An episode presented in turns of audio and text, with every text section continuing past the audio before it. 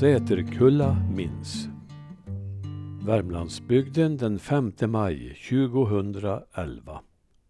Hårda villkor för Hanna i Brannäs och bondesamhällets unga flickor. Så står det i rubriken. Då och då återvänder jag i mina tankar till Hanna Andersson i södra Brannäs. Jag träffade henne aldrig personligen, möjligen som liten pojke, men jag fick tillgång till hennes säterminnen som hon skrev på sin ålderdom. Hennes vackra berättelse berör mig alltid starkt. Den är välskriven och den visar vilka villkor de unga flickorna hade i bondesamhällets tid och med vilket tålamod de uthärdade sin situation. Många gamla säterkullor som jag har intervjuat kallar livet i Sätern för deras bästa tid, trots allt. Tiden har säkert skalat bort mycket tristess från minnena men flickorna upplevde också samvaron med djuren och närheten till naturen positivt. Ibland fanns kullor i säterstugor på vallarna i närheten, ibland inte. Då bodde de ensamma långt borta i skogen. Hur som helst måste isoleringen ha känts svår många gånger. Jag tänker på detta ibland då jag ser dagens unga flickor som ständigt måste ha kontakt med varandra genom sina mobiltelefoner. Hanna föddes 1886. Långt innan ens de vanliga telefonerna fanns att tillgå och hon tillbringade liksom många andra flickor somrarna i en liten säterstuga i Hannas fall i södra Ljusnesätern, flera kilometer hemifrån. Som sällskap hade hon ibland en gammal erfaren säterkulla, men ibland var hon helt ensam. Jag frågar mig hur det kunde gå bra att låta unga flickor bo så ensamma och isolerade. Idag skulle man knappast våga. Är vi räddare nu eller är farorna större? Vilddjuren i skogen var kanske ett mindre bekymmer än dagens våldsmän. Här följer utdrag ur Hannas berättelse. Jag var hem en gång på sommaren. Jag fick en pojke från Lillberget att komma och följa korna i vall. Han hette Hagbert. På kvällen kom hans mor dit och skötte om mjölkningen och var där till den andra dagen när jag kom tillbaka. Jag var så glad över att få gå hem så jag skyndade mig att göra mig i ordning. Jag var just färdig att gå när det kom en kar in så jag kokade kaffe och bjöd honom. Han gjorde sig inte bråttom. Han satt och pratade och var trevlig och jag kunde ej tala om att jag skulle hem, för då hade vi fått sällskap och det tordes jag inte. Jag visste inte vem han var, men jag var inte rädd, fast jag var ensam på vallen. Jag hörde ju att han var från Dalby, men att ha sällskap med honom hela den långa vägen genom skogen ville jag inte. Jag fick veta sedan att han var från Tranåsen i Likenäs. Det var en upplevelse att få se en människa den sommaren. När han äntligen gick måste jag vänta tills jag var säker på att inte hinna upp honom på vägen. Så det led långt fram på dagen men sedan sprang jag nästan hela vägen. Jag var förstås framme i Kletten, en annan Brannesäter och fick kaffe. Det tog nog över fyra timmar att gå hem. Jag var så glad när jag sprang över åsar och myrar och jag hade också ett angeläget ärende. Britta-Marit hade kommit till Sätern med bud att jag hade fått två nya bröder och att jag skulle få någon från Lillberget att sköta om korna så jag fick gå hem. Där gör vi paus i Hannas berättelse. Stackars flicka, tänker jag. En enda gång skulle hon få gå hem på sommaren och just den dagen kom en främmande kar och tog hennes dyrbara tid i anspråk. mer ur Hannas minnen. När jag var 16 år var jag åter i Ljusnesätern. Vi var ej mer än två säterkullor där det året. Det var jag och en gammal tant, en moster till min mor.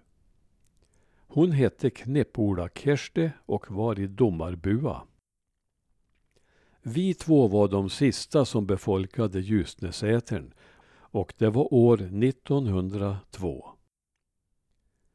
Sätern låg på en kulle som vi kallade Hemknörn, ett stycke väst på Ljusneberget, ej långt från Stångbrotjärn. Det var en fin säter med släta fina vallar. Den ligger så högt som man ser långt bort över blånande berg. Nästan rätt norrut ser man Kinsjöberget och på höstkvällarna kunde vi se det lysa i stugorna där. Närmaste grannar västerut var Lillberget och vägen dit gick förbi ett öde torp som hette Lövfall och där bor nu folk i nybyggd villa och har bilväg dit. Norra Ljusnesätern låg norrut och dit gick vi nog på en halvtimme. Jag minns så väl att jag skulle gå dit och hälsa på midsommardagen men när jag kom dit var alla dörrar stängda och flickorna hade gått till Kinnsjön. Jag fick vända om och jag minns så väl hur ledsen jag var.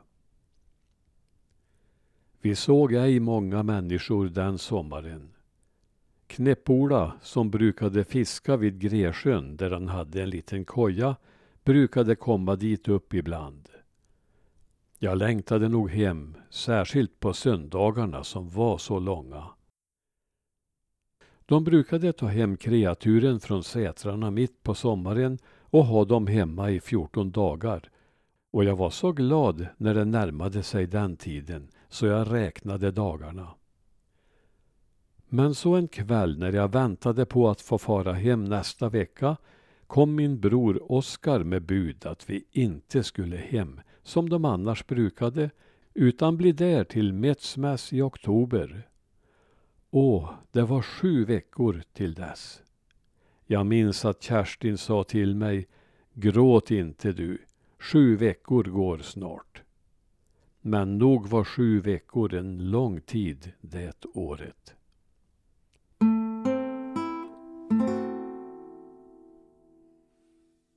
Visst är det hur lätt som helst att förstå Hannas besvikelse. Vi läser ett nytt avsnitt från hennes, tycks det, stulna barndom.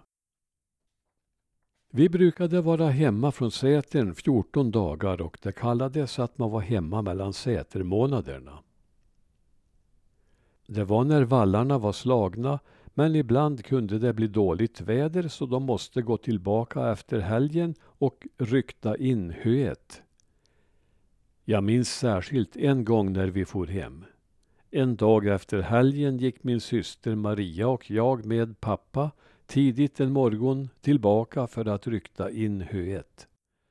När det var färdigt var det långt lidet på eftermiddagen och vi skulle just gå hem då Nordstupär kom från Ljusnesätern.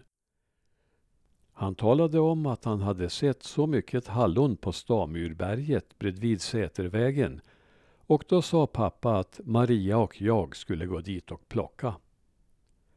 Så skulle vi gå tillbaka och ligga i kletten på natten. Han gick in i mjölkbua och hämtade två stora byttor vi skulle plocka i. Vi ville väl så gärna ha gått med pappa hem, men det var så på den tiden att de unga visste ej om att protestera. När föräldrarna bestämt något fick vi allt ge oss iväg. Det var rätt så långt dit som bären var. Det tog nog drygt en timme att gå dit, men bär var där så mycket så vi plockade fullt de byttor vi hade med oss. Det blev mörkt, men det blev månsken, så det gick bra.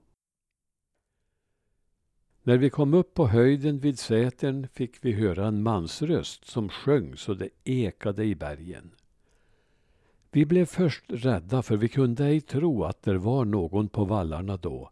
Men när vi kom närmare fick vi se att det var Johan och Halvard Bran som kommit dit för att bära in sina höhärsor. Vi blev så glada och vi gick till vår stuga och kokade kaffe och bjöd dem. Sedan kokade vi nävgröt och stekte fläsk och så beslöt vi oss att följa dem hem på natten. De skulle gå om Hemmersätern som hörde till Norra Brannäs och skulle bära in hö där. Det blev ju längre väg för oss att gå men då bar de våra kontar med bären i och sedan hjälptes vi alla åt att bära in höet. Det var så månljust och fint när vi gick hem och när vi kom hem var det ljusa dagen. Nog var vi trötta men glada att vara hemma med så mycket hallon. Det var en söndag och ett minne för livet.